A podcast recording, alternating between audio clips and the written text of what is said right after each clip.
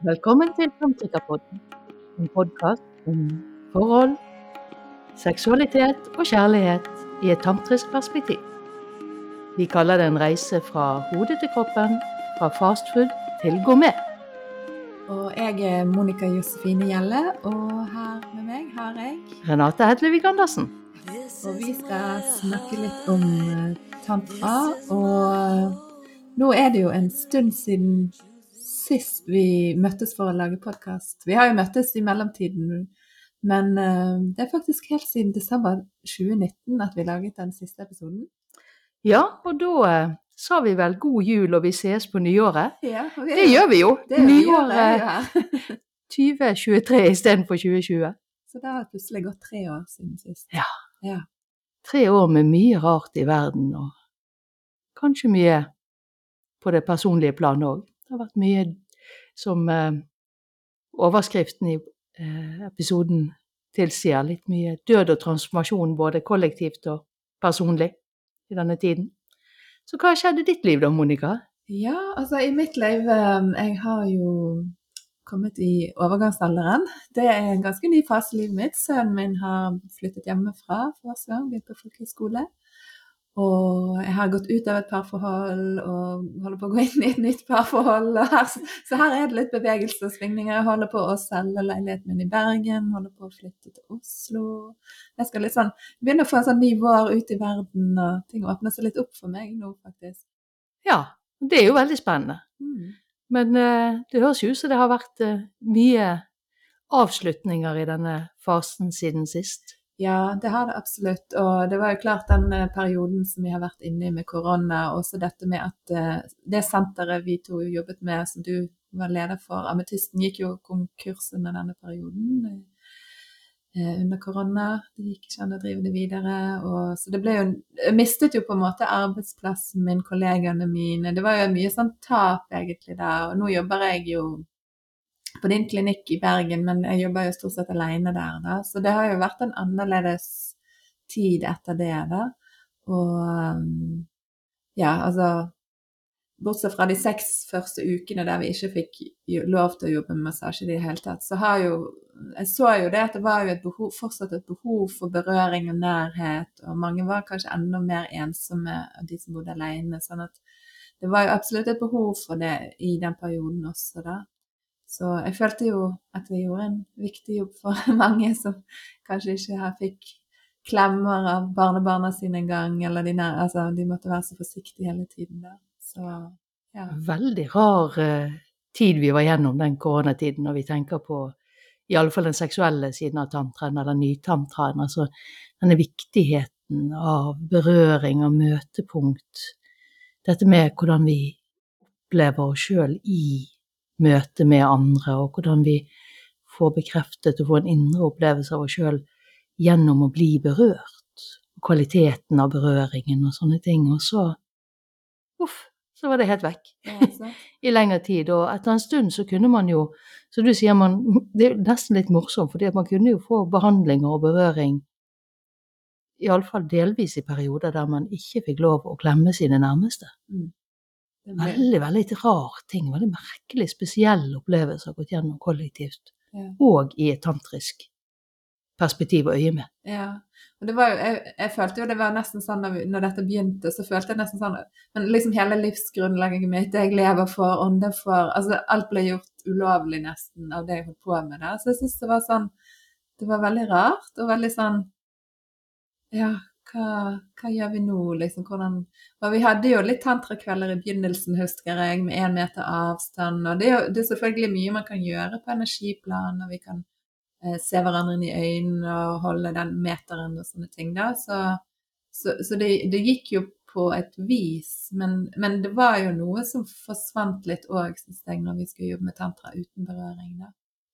Så er det jo litt sånn, hva er det det heter, når uh, livet gir deg sitroner, lag limonade. Ja. det var jo det vi prøvde på. Sant? Og det er jo klart, det er jo der gjerne våre to uh, spor i tantraen er litt ulike. Altså dine er ditt er enda mer uh, flettet rundt dette med berøring, mens min klassiske bakgrunn har jo mye med energiarbeid og indrearbeid og sånne ting å gjøre. Men det er jo likevel en, en veldig spesiell ting når man, som du sier, det nesten kriminaliseres, det å være i berøring og i nærhet, og det på tross av at vi vet etter hvert hvor utrolig viktig berøring er for oss som mennesker, for utvikling, for alt som skjer på innsiden av oss, både i et fysisk og et psykisk eh, perspektiv. Ikke det at jeg sitter her og sier at det var feil, men eh, en veldig, veldig merkelig opplevelse, rett og slett. Ja, og jeg tror jeg lærte å sette enda mer pris på berøringen og nærheten under denne perioden. Der, fordi altså jeg kunne jo, Særlig i den perioden jeg ikke fikk lov å jobbe de seks ukene, så, så kjente jeg at jeg kunne nesten bli litt sånn smådeprimert fordi jeg ikke hadde Da levde jeg ganske alene, sønnen min bodde hos faren. Eh, ja, jeg hadde veldig lite fysisk kontakt med noen i det hele tatt rundt meg da. Så, og det gjorde noe liksom med, med humøret mitt, med liksom den der gutsen, den driven jeg vanligvis har, liksom da. At jeg ble, kjente det da, at jeg hadde faktisk behov for nærhet for å få kontakt. Igjen. Og det er jo en enorm frarøvelse å både miste muligheten til å uttrykke seg i jobb og i hva skal jeg si, det større sosiale livet, relasjoner og sånne ting, og så samtidig, som du sa med sønnen din, som da rett og slett måtte bo et annet sted fordi at det ikke var mulig å tjene penger nok til Nei, det var ingen... Det er jo en ganske tøff ting, en ganske ja. sår ting å skulle oppleve på en gang. Ja, det var ganske tøft den perioden. Og det var, alle... det var faktisk dager jeg gikk sulten, for jeg hadde rett og slett ikke penger til mat. Ja. Så sånn var det for meg under koronatiden. Snakk meg om en innvielse der. Ja, sant. Så, men det som jeg syns var fint òg, etter hvert så så jeg jo For vi fikk, det tok jo veldig lang tid før vi fikk, helt fikk noe hjelp fra det offentlige. Men det som skjedde, var jo at en del klienter begynte å forhåndsbetale timer. og liksom Hjelpen kom fra andre steder enn der du hadde eller jeg hadde forventet det. der. Så, så det var en veldig sånn fin og berørende opplevelse å se at det faktisk var mange som var villige til å hjelpe. Og mm. jeg fikk penger, og folk lånte meg penger. og det, det, det gikk jeg klarte å komme meg gjennom etterpå tenkte jeg ja, hvis jeg klarte å komme gjennom korona de seks ukene uten inntekt, så skal jeg liksom klare det meste her i livet. Ja. Det er jo en spesiell situasjon mm. å stå der helt uten noen ting. Ja, ja, og det, sånn. hvis du skal ta ferie, så planlegger jeg jo gjerne for det. Og, sånn, men dette var jo helt uventet. Det kom jo ikke jeg var ikke forberedt i det hele tatt på det. Jeg tror jeg hadde sånn 5000 kroner på konto når vi stengte ned, liksom. Og det skulle vare, og vi ante ikke hvor lenge det skulle vare. Men det skulle vare i seks uker. Så. Ja. Så. Og når du tar ferie, så har du gjerne muligheten for å besøke noen, men det kunne man jo heller ikke. Så, Nei, det heller ikke. så det er ganske spesielt. Og det er jo en eh, realitet at det var ja, Kanskje ikke nødvendigvis i så ekstreme eh, settinger som deg med helt uten inntekt og ikke kunne ha barnet ditt boende, eller ungdommen din boende, får vi vel si. Men det er jo klart, dette med isolasjon, det å være alene, det å være uten både fysisk kontakt, men òg nærhet, det å bli speilet og møtt i lengre perioder, er jo noe som berørte veldig mange, og som jeg òg har forskjellige kunder og bekjente og sånne ting som det har vært veldig tøft for. Og der òg eh, tiden ut igjen av koronaen har vært, kan vi kalle den unormalt seig. Mm. Vi gikk liksom alle sammen og ventet på at den der koronaen og disse nedstengingene skulle bli ferdig, så livet kunne begynne igjen. Og så begynte livet igjen, og så fikk vi en krig i Ukraina og strømpriser og jeg tror det rett og slett gjorde oss litt nummen, mange av oss. Eller det var iallfall en veldig tydelig opplevelse av at selv om mulighetene på noen måter var til stede for at livet kunne begynne igjen, vi begynte å lage mer arrangementer, mer møtepunkter, så var det ikke det samme. Og mange prøvde å gjøre det man hadde gjort før, endelig skulle vi kunne et eller annet møtes igjen, og så er det noe som har endret seg. Noe er forandret. Ja, og sånn vil det jo alltid være. Sånn, altså, livet der ute, altså verden rundt oss, vil jo alltid være i forandring. Kroppene våre i forandring. Altså alt, alt er jo i forandring da. Så noe av det jeg tenker med tantra lærer oss jo også det der å knytte, knytte, oss innover til kjernen i oss selv, som på en måte er noe av det som ikke forandres, altså det som alltid vil være der gjennom hele livet. Og, også, men også forholdet til kroppen vår, at vi lever så lenge vi har en kropp. Og, og også kanskje det å Jeg ble i hvert fall enda mer bevisst på det, hvor viktig det er med berøring og, og fysisk nærhet i den perioden der, og hvor viktig det er liksom for den livskvaliteten vår og mentale helsen og det å føle at vi har et godt liv der.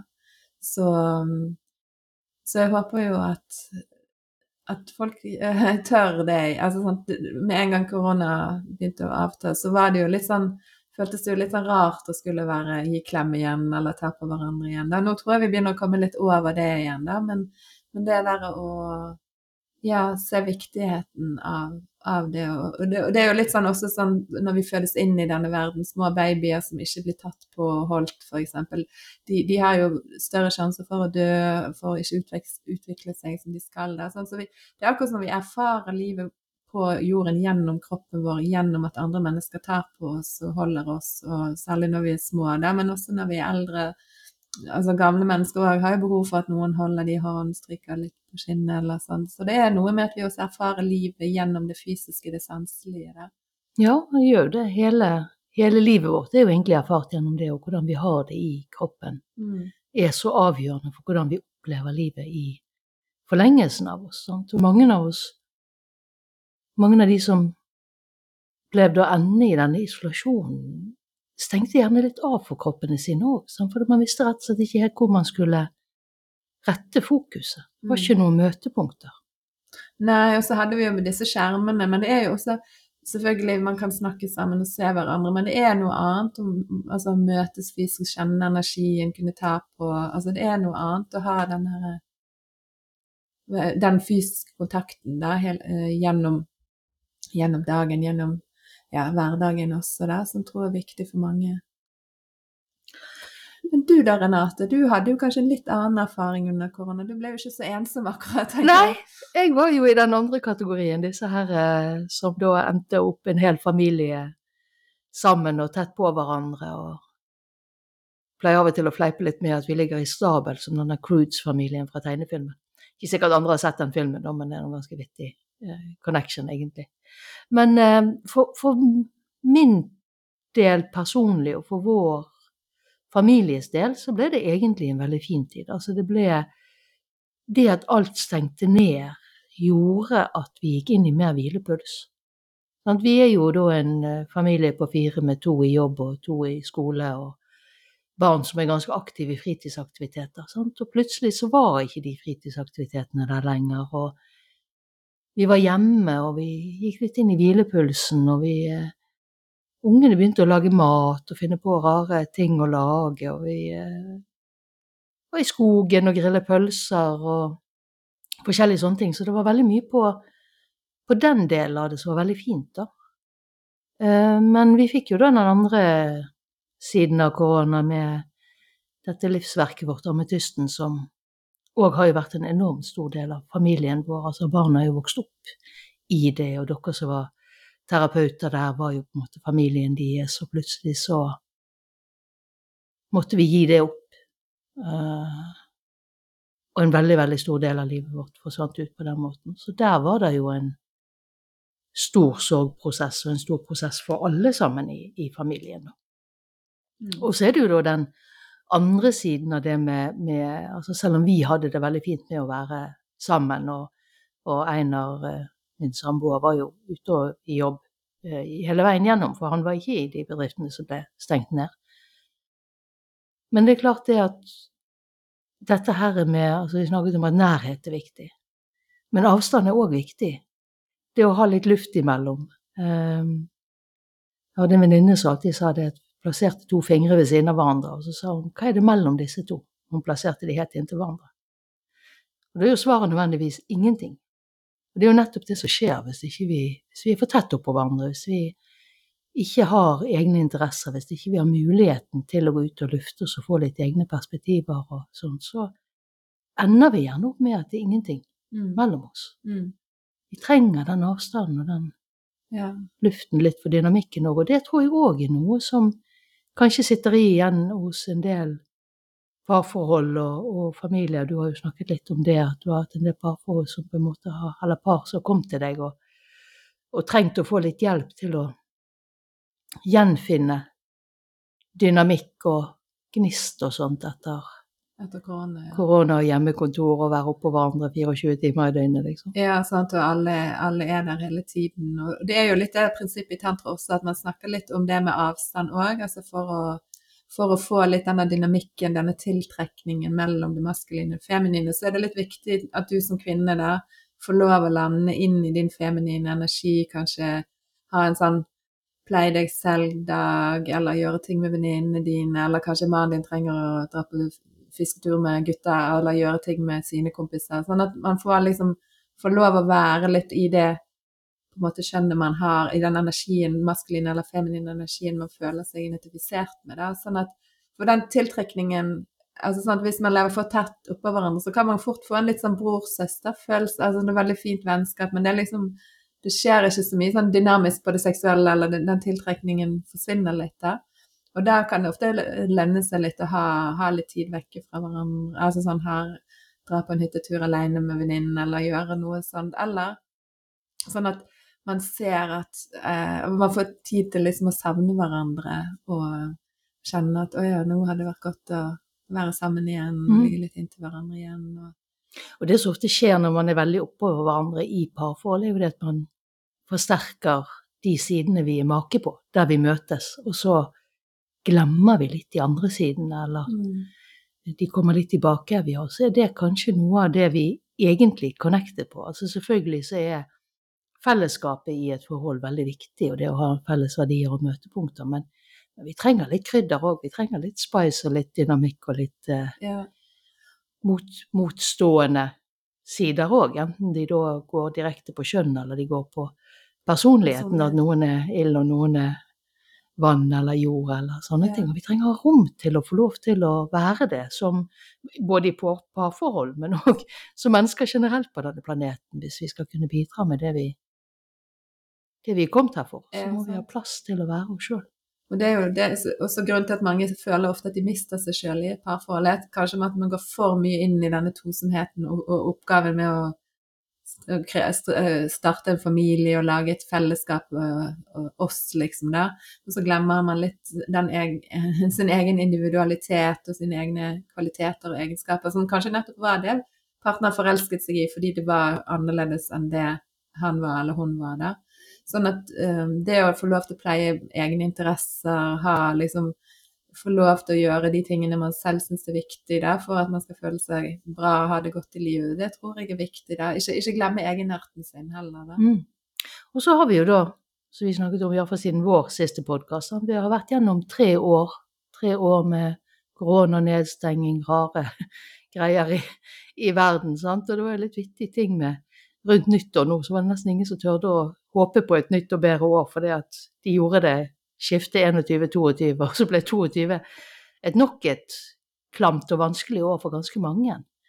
Um, og det er jo noe med å ta på alvor det vi har vært gjennom, at vi er blitt tre år eldre, ikke nødvendigvis for alderen sin del, men vi har levd her i tre år i en litt merkelig tilstand. Og det som er her nå, den vi er nå, det vi lengter etter, det vi trenger, er kanskje ikke make som det det var når vi gikk inn i, i denne tiden. Mm. At vi alle sammen litt sånn kollektivt har vært gjennom en slags sånn dødsprosess på ulike plan, personlig og kollektivt, og at det er viktig å mm.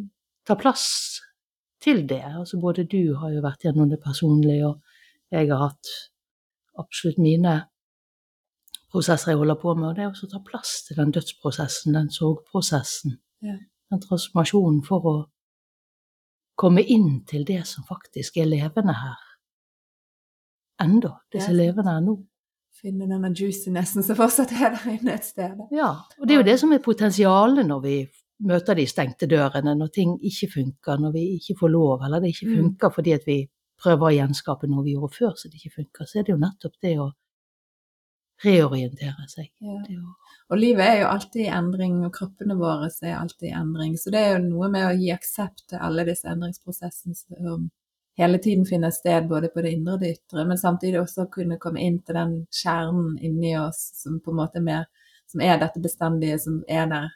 Denne indre, indre forbindelsen innover der, som alltid vil være der. Og kunne lene seg inn til den selv når ting er i forandring eller ting er tøft der ute. Der, at vi alltid mm. har den indre kjernen der. Og sinnet vårt har jo en voldsom trang til å holde fast i ting sånn som de var, mm. og gjenskape. Sant? Men de blir ikke så levende av det.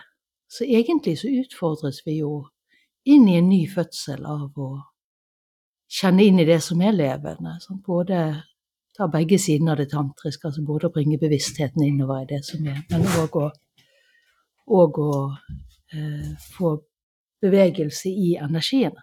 Ja. Og det har jo iallfall vært en stor del av min eh, prosess i denne, disse årene òg, det å virkelig hente energien tilbake igjen fra de formene som enten ikke virket lenger, eller som man ikke kunne ha lenger, og møte og se der eh, jeg har brukt energien på en feil måte, så det har satt seg på et verke, enten det er noe i det ytre eller indre liv. Eh, og så å hente det hele veien tilbake igjen, lande hele veien, og få bevegelse på det igjen. Nyskapelse og liv og ja. lekenhet inni det. Ja, sant. Så hva tror du tantra har å gi oss i denne nye tiden etter korona? Ja, Det er jo en litt artig ting òg, for det er parallelt med koronaen, noe som jeg ikke tror har noen ting med koronaen å gjøre. Ja. Kanskje det ble litt synligere på nettet pga. koronaen, men jeg tror det var en bevegelse som var på, var på gang allerede. Så har jo tantra blitt mye mer synlig. Mye mer til stede, mye mer utbredt, gjerne mye mer akseptert, hvis vi kan si det sånn. Mm. Norge har til og med fått eh, etter hvert to tantrafestivaler. Ja, til og med tre, faktisk. Tre til og med, var, I fjor hadde vi vår første tantrafestival. Ja. Der var jeg med og underviste. Jeg skal få være med på to av de som er i år og undervise. Så det er jo spennende, alt dette som skjer. Og det kan jo være nettopp det altså sånn, Nå har vi jo hatt så mye påvirkning fra internettporno og alt altså sånn rundt det seksuelle der da, men kanskje vi har behov for noe annet, noe som går litt dypere, noe som kan gi litt mer mening for mange. da, sånn at man, Det er mange som begynner å kanskje ikke bare se på tantra som noe sånn skummelt, uh, cheesy, ja, uh, seksuelt som er skremmende, men at man også begynner å se på muligheten innenfor tantra og kunne utvikle seg, gå i dybden, få, få en liksom bredere erfaring i det seksuelle, eller i altså hvordan man kan møte et annet menneske i et parforhold. da. Ja, og jeg tenker jo det at det dreier seg om å modnes enda dypere inn i hva det vil si å være menneske. Sånn, nå har vi jo hatt en periode de siste 10-15 årene der yoga og meditasjon er blitt gått fra å være et eller annet supersært som bare sånne hippier holdt på med, til å bli ganske mainstream, og du finner det i kirken, og du finner det på sykehus, og du finner det i store firmaer og sånne ting. Og jeg tror jo at tantra, eller denne bølgen med tantra, er det samme. At det Mm. kommer til å skje det samme. Ikke det at jeg mener at man skal drive nødvendigvis ha tantriske møter på jobben og, og den slags ting, men det har noe med å forstå hva det vil si å være menneske, og Mm. forstå mer om hvordan vi kan bygge opp under og ha flyt på denne levendigheten vår, og hvordan vi kan skape med den, enten det er i relasjonene våre eller det er de andre tingene vi ønsker å skape i livet vårt, enten firmaene våre, bedriftene våre, arbeid ellers, Mm. hobbyvirksomhet. Sant? Det å forstå at alt dette som vi er og gjør, er et uttrykk for livsenergien vår, Mm. og lære å leve den på en annen måte, så trenger vi jo heller ikke å søke der ute, enten det er noe porno, eller det er tilfeldige forhold, eller dårlige forhold, eller one night stands med shady kvalitet. For for all del, får du bra one night stand, så må du jo bare det. Men det er jo mye, har vært mye, og det er nok mye litt sånn desperat jakt etter den connectionen, og etter den bekreftelsen, og den Mm. levendigheten som man kan møte i det seksuelle, uten egentlig å forstå hvordan vi egentlig skaper det. Og dermed så er det veldig vanskelig å legge forholdet til rette for å skape det. Det blir litt sånn sjansespill på hvorvidt det blir bra eller ikke. Ja, sant. Og så er det jo noe med dette at det seksuelle er jo ofte litt sånn grunnleggende viktig i livet for veldig mange mennesker. Så, og så er det samtidig noe av det vi snakker aller minst om, og som det er mest skambelagt. og det, det, det er så mye sånn rart rundt det temaet. Da. Sånn at eh, jeg er jo veldig for, litt det som vi gjør her òg, det å kunne snakke litt sånn mer åpent om seksualitet, om kropp, om de lystene og begjærene og behovene og alt det der som vi har da. Mm. Fordi å på en måte menneskeliggjøre det, gjøre det mer normalt. altså og også se litt er, det litt andre måter vi kan samspille på? altså Er det litt andre måter vi kan møte hverandre på, eller møte oss selv på i dette som har med det seksuelle og kropp å gjøre? Da?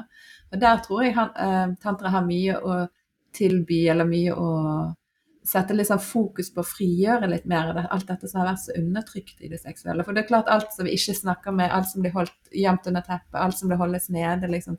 Klart det får litt, kan få litt uh, rare uttrykk og former etter hvert. Mm. Så, så det der å liksom sette litt lys på det, sette fokus på det seksuell helse, rett og slett. da. Og sammen med bevissthet. Ja. Den er jo jeg veldig for òg, altså det andre elementet av tantra. fordi at vi ser jo parallelt en seksuell bølge av mer sexparties, mer kink, mer Mm. uh, ulike former for altså swinging, altså ulike former for å fritt utspille seksualitet, men da veldig ofte veldig fokusert på seksuell handling Mm. og på kjønn og Mm. på uh, Og det å komme enda dypere enn det, komme inn i denne her elven av kraft som flyter i oss, og Yes. hva vi egentlig lengter etter. ja? Og og hvis det som virkelig tilfredsstiller deg sjelelig og fysisk og psykisk og mentalt, for å si det sånn følelsesmessig, er å henge opp ned i et par leirheimer og, og bli pisket, så for all del, altså kos deg. Men i veldig mange tilfeller så er det gjerne ikke det. Altså man leter etter en intensitet, man leter etter å føle seg våken, levende. Og så finner man de øyeblikkene i disse her litt mer ekstreme eh, opplevelsene. Men så er de ofte litt vanskelig å få til å integrere eller finne plass til, få flettet inn med hvem man er i resten av livet. Mm. Og så kan det jo godt være man bare har det som en morsom spicy hobby ved siden av, og så er jo det fint så lenge det er fint. Men hvis ikke det er så fint, for i noen tilfeller så skaper det litt sånn splittelse og gnisninger og sånne ting, så kan det, kan tantra by på noe som er dypere, som er rikere, som gir deg en tilgang på den energien, og kunne ta den ut på måter som gjerne ikke trenger å skape de her kontrastene eller gnisningene i livet ditt. Mm. Så det er mange nye, spennende temaer vi kan snakke om her, Renate. Ja. Og vi har jo tenkt å fortsette å lage denne podkasten og ha litt flere episoder fremover der vi kan gå litt dybden i på de forskjellige temaene. Der. Ja, nå når vi endelig har fått den opp og gå igjen, så har vi ikke tenkt å gi oss med det første. Det er veldig deilig å være. Og det er litt sånn symbolsk, tenker jeg. Det er, sånn, det er jo derfor vi satte den tittelen på episoden om en vår, ny vår. Sant? Altså, det er litt sånn øh, Nå har vi dødd litt, og så har vi vært innestengt, og så har vi lagt der inne i kokongen og gjerdet og lagret og blitt brutt ned i biter og litt etter litt begynt å finne veien og på en måte kjenne på en ny form. Og så eh, håper vi på og gleder oss til å se hva det utfolder, både i, her i podkasten og i eventuelle ting vi skaper, og i livet generelt. Mm. Og i den kollektive verden etter hvert. Så vi har i hvert fall ikke tenkt å gi oss med tantra ennå. Overhodet ikke. Jeg tror faktisk heller vi går andre veien. Ja, det tror jeg òg. Ok. Neimen da Ja, sier vi til neste gang. det gjør vi. Ha det riktig så bra.